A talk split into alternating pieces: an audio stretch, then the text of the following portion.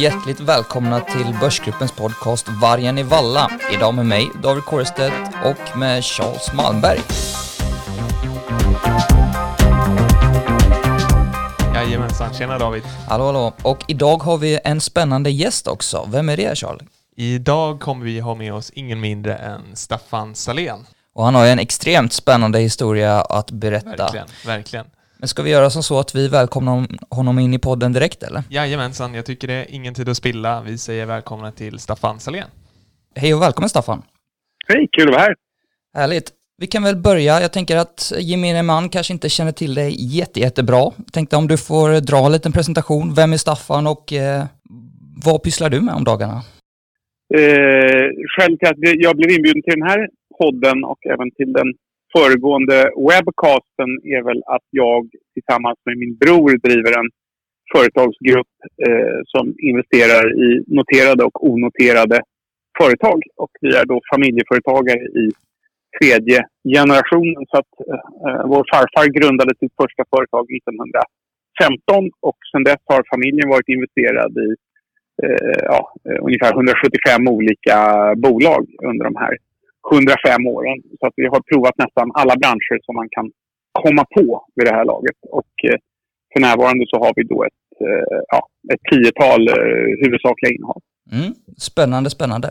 Men du kan väl, vi förstår att du jobbar med den här företagsgruppen, men du kan väl berätta lite om din karriär? Jag tänker, eftersom vi riktar oss mot universitetsstudenter, kan vi börja med ja, universitetsstudierna gärna. och sen så hur det togs fart efter det? Jag eh, pluggade på Stockholms universitet. Jag läste till civilekonom där som var den gängse ekonomiexamen på den tiden. Eh, jag läste också på juristlinjen parallellt så att jag eh, gjorde inte klart den men läste en hel del kurser där. Eh, sen så eh, var jag ordförande i ekonom... Först i marknadsutskottet på ekonomföreningen och sen var jag ordförande i ekonomföreningen och sen var jag kårordförande i ett år ute på Stockholms universitet. Så jag hade ett väldigt eh, rikt studentliv kan man säga. Eh, och sen någonstans eh, när jag var klar som kårordförande sommaren 93 så bestämde jag för att nu, kan jag inte, nu har jag varit tillräckligt länge här på universitetet så nu måste jag kamma mig och skaffa mig ett jobb. Eh, så att då gjorde jag det och skickade ut tio eh, ansökningar och de första som svarade var ett bolag som heter Procter Gamble jag bestämde mig för att jag skulle börja jobba där. Eh, och där jobbade väl jag i ungefär ett, ett år, skulle jag säga. Det var väldigt lärorikt, men jag kom fram till att det kanske inte var mm, precis där eh, jag ville jobba. Och då blev jag approcherad efter ett år av en tidning som hette Finanstidningen som på den tiden var en konkurrent till Dagens Industri.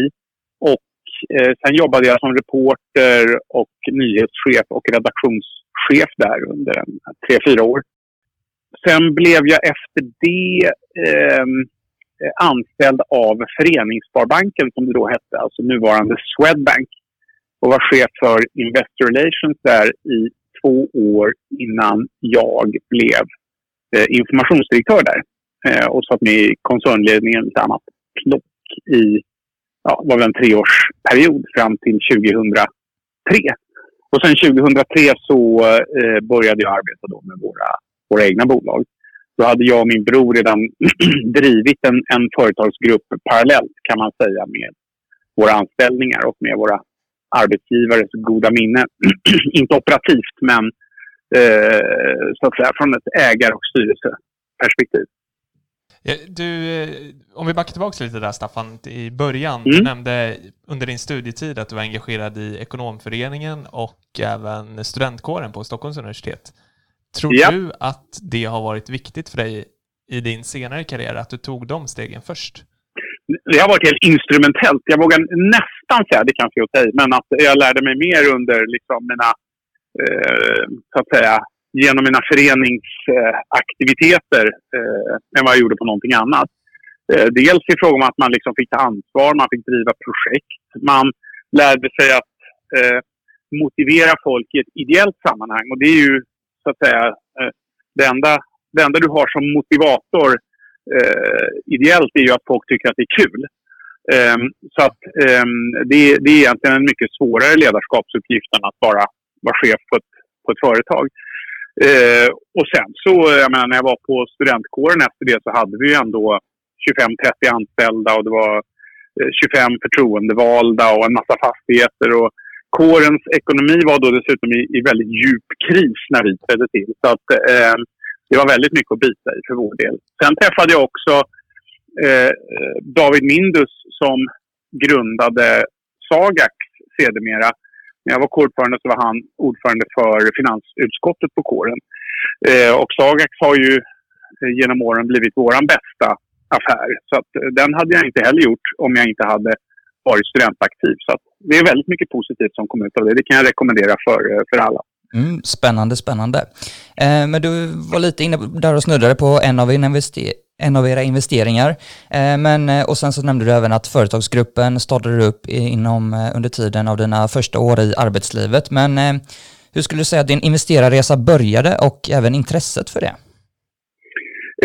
Min, min investerarresa började med att jag var otroligt intresserad av aktier från kanske 15-årsåldern. Då ska man komma ihåg att ehm, aktier var jättehypat på ja, 80-talet när jag då först gick i gymnasiet och sen läste på högskolan. Så att jag, eh, jag höll på väldigt mycket med aktier eh, på den tiden och investerade och ibland framgångsrikt och ibland mindre framgångsrikt. Men eh, det var liksom basen för mitt eh, investeringintresse skulle jag säga. Och det, det, ehm, jag gjorde någonting som heter Ömans börsguide som var då en, en um, ja, före internet, the go-to place för nyckeltal och allting sånt. Så, att säga. så var vi två killar som satt inlåsta i ett rum och kondenserade ner eh, årsredovisningar till den här börsguiden. Och sen så jobbade jag på Finanstidningen, vilket också var ett, ett, ett drömjobb så att säga, om man gillade aktier och företag. Så att, eh, eh det, det, det, tog tidigt sitt ursprung i börsen kan man säga. Ja, men härligt. Eh, hade du någon väldefinierad investeringsprocess? Och jag tänker du kan väl bygga vidare på lite det om hur du investerar idag och sådär och hur ni går tillväga? Eh, initialt, alltså när man är typ 18 år så finns det väl inga processer som är väldefinierade så att säga, vare sig gäller investeringar eller någonting annat. Men successivt så har väl eh, så, så landar man ju i eh, dels en process, men kanske ännu viktigare eh, ett antal kriterier för vad man vill investera i. Eh, så du behöver först landa i eh, vilket företag, vilken typ av företag vill jag investera i, vilken typ av verksamheter. Och sen nästa fråga, om du hittar grejer du gillar så måste du, de ju också värderas till ett pris som du tycker är attraktivt. Ehm, och det, ehm, det är ju frukten av erfarenhet. Mm. Så att jag, jag, tycker man blir, med åren så blir man en bättre och bättre investerare. Däremot så finns det också en risk att allt eftersom man också gör misstag, att man blir eh, mer och mer defensiv med åldern så att säga. Mm.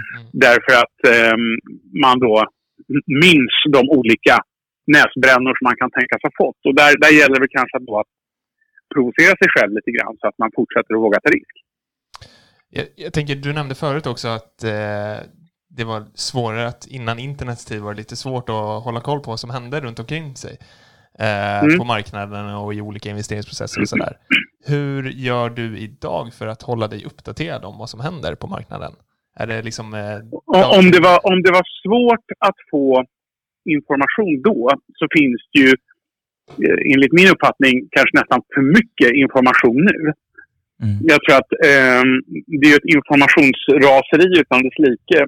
Och som då kanske också leder till att man ibland kokar soppa på en spik nyhetsmässigt. Ehm, eh, jag, eh, eh, jag försöker vara lite varsam med mitt nyhetsintag så att säga. Så att jag inte helt, eh, det inte helt flödar över. Utan jag försöker väl kolla på eh, liksom, ja, eh, nyheter någon gång per dag och sådär. Men jag tror att eh, eh, en underskattad eh, aktivitet i de här tiderna är nog att faktiskt inte vara uppkopplad och försöka tänka lite själv. Det låter rimligt det. Eh, men eh, om vi går över till lite er företagskoncern där. Ni äger ju både andelar i noterade bolag och även eh, onoterade bolag. Jag tänker, vad föredrar du främst och vad är liksom för och nackdelarna med respektive kategori? Mm, det är en bra, bra fråga. Tittar man på den, noterade miljön så har den några fördelar.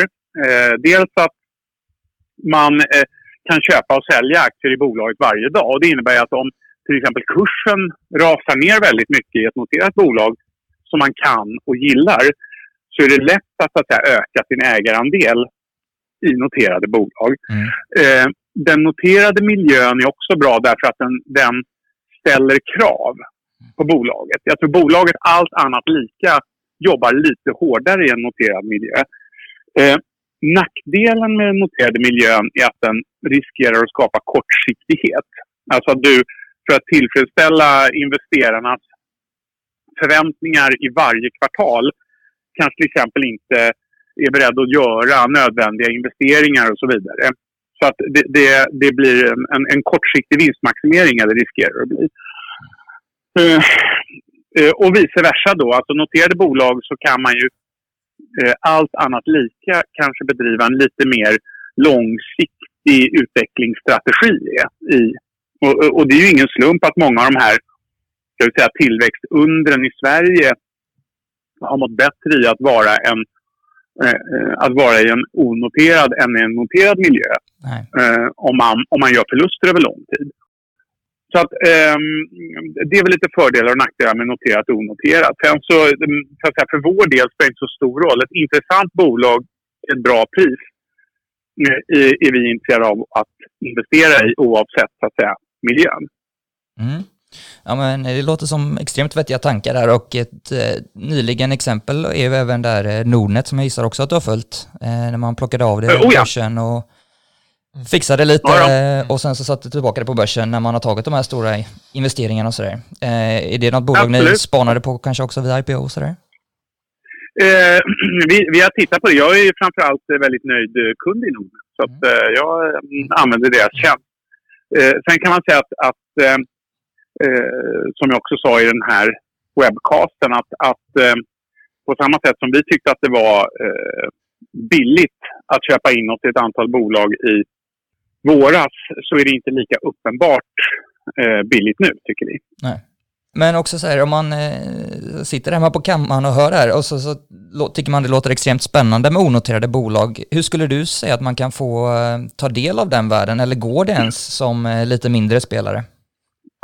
Det är ju knepigt. Jag, jag tror en, en, en förutsättning för eh, att eh, liksom ha, gör göra det på ett strukturerat sätt, det är ju att man har ett flöde av propåer. Därför att det liksom, eh, har man bara tre propåer, alltså vi, vi tittar på kanske hundra grejer per år och investerar i en. Eh, för att ge någon slags liksom, eh, kvot på eh, hur mycket man behöver titta på. Eh, och därför är det också svårt eh, att, att eh, bara eh, ha som utgångspunkt att man ska investera i onoterat. Samtidigt kan man ju då över tid dels, om man då har ett kapital, titta på eh, hur man kan bygga upp ett nätverk med folk som eh, sitter på, på onoterade bolag. Och det kan ju vara allt från företagsförmedlare, så att säga, klassiska sådana, till eh, revisionsbyråer och, och fondkommissionärer. Ehm, men eh, onoterat generellt kan ju också vara så att man helt plötsligt snubblar över något onoterat bolag. Det är någon kompis som startar ett bolag och behöver finansiering, vad det nu kan vara. Eller att man själv vill starta för att man har en bra idé. Så att Ehm, jag, eh, jag uppmuntrar alla att så att säga ehm, närma sig den onoterade miljön. Men man, man ska vara medveten om att det, det, ehm, det finns risker där också naturligtvis. Så börsen kanske är ett bra sätt att börja lära sig och sen så när man dels byggt det, kapital och erfarenhet kan man gå över till mer onoterat kanske? Just så. Mm. Eh, men eh, vad skulle du säga gör en bra investerare? Vad är det viktigt att ha för egenskaper eller vad, vad är viktigt att tänka på? Liksom? Ja, mm, det är svårt. Jag tror eh, några saker man kan tänka på är dels att ha en, en uppfattning om vilka bolag man, typer av bolag man gillar och inte gillar. Eh, sen att vara noggrann med vad man faktiskt betalar för de bolagen. Eh, man behöver vara långsiktig, uppfattar jag. Eh, det är i alla fall Eh, det finns ju daytraders, så att säga, jag vet inte hur framgångsrika de är, men vi är väl så att säga motsatsen. Vi, vi köper gärna fina bolag och äger dem i evighet. Ehm, och, och långsiktigheten gör också att vi kan eh, se eh, nedgångar som en möjlighet snarare än som ett hot.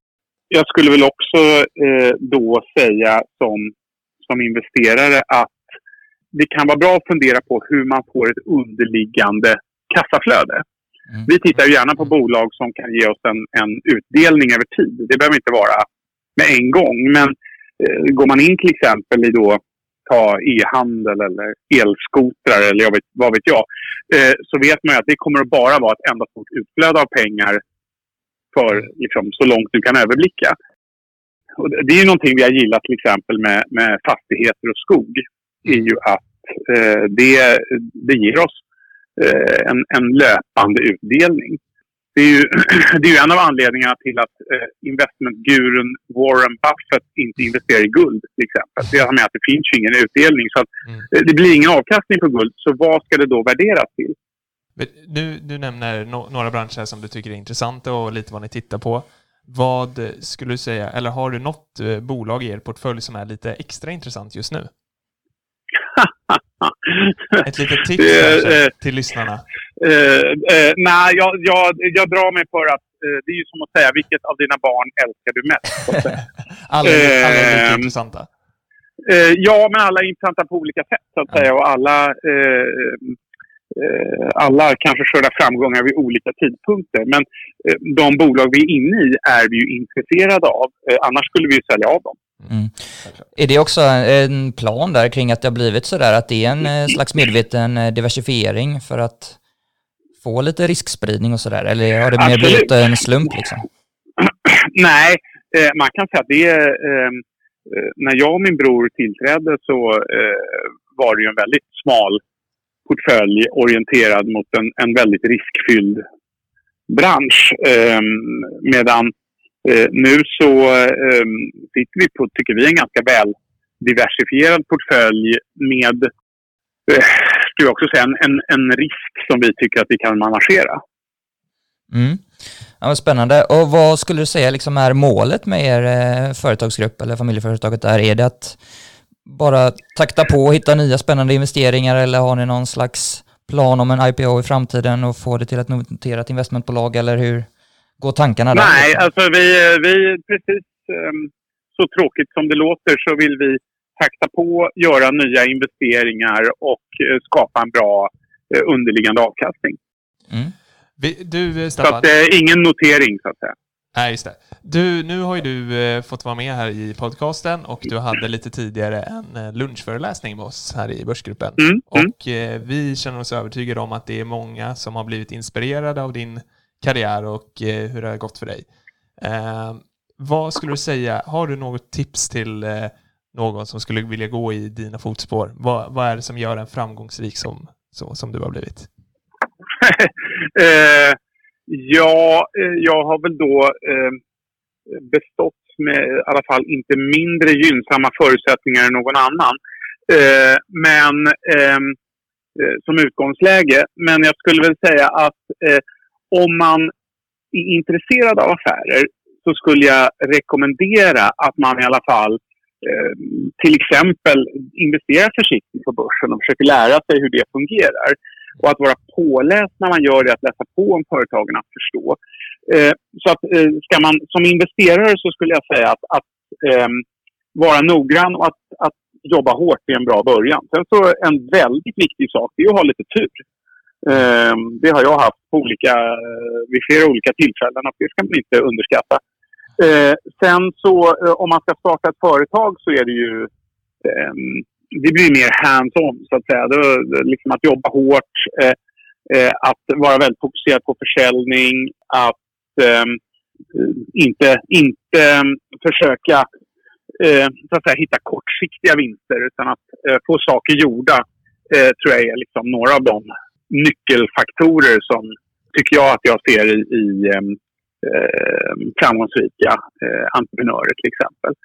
Um, och att man, är, man har en väldigt can-do approach. Eh, de duktigaste mm. entreprenörerna som jag känner, de, de gör saker, eh, liksom, de är helt orädda. De gör saker som, som eh, vanliga människor kanske inte gör. Liksom, mm. söker upp kunder och, och eh, annat. Så att, lite så kanske.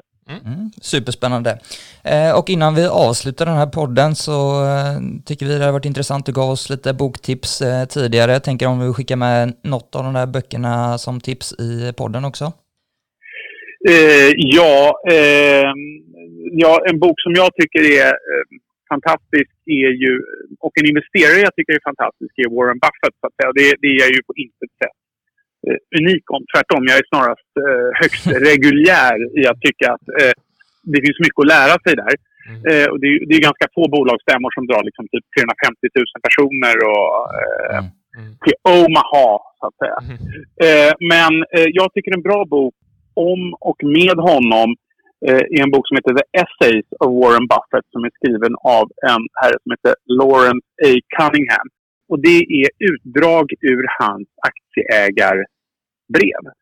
Eh, och det kan ju låta väldigt tråkigt, men han är en eh, väldigt skicklig och rolig skribent, Warren Buffett. Och där kan man lära sig i princip hur mycket som helst om man läser dem.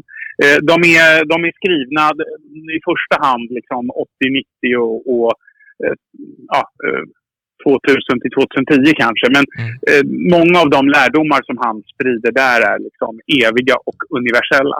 Så att, den kan jag verkligen rekommendera. Ja men härligt. Men eh, stort tack för att du ville ta dig tiden och eh, gästa podden Staffan. Och eh, du får ha det så gott framöver och lycka till med affärerna. Ja, lycka till. Ja, tack så mycket hörni. Hej då. Ha det så fint. Hej. Hej.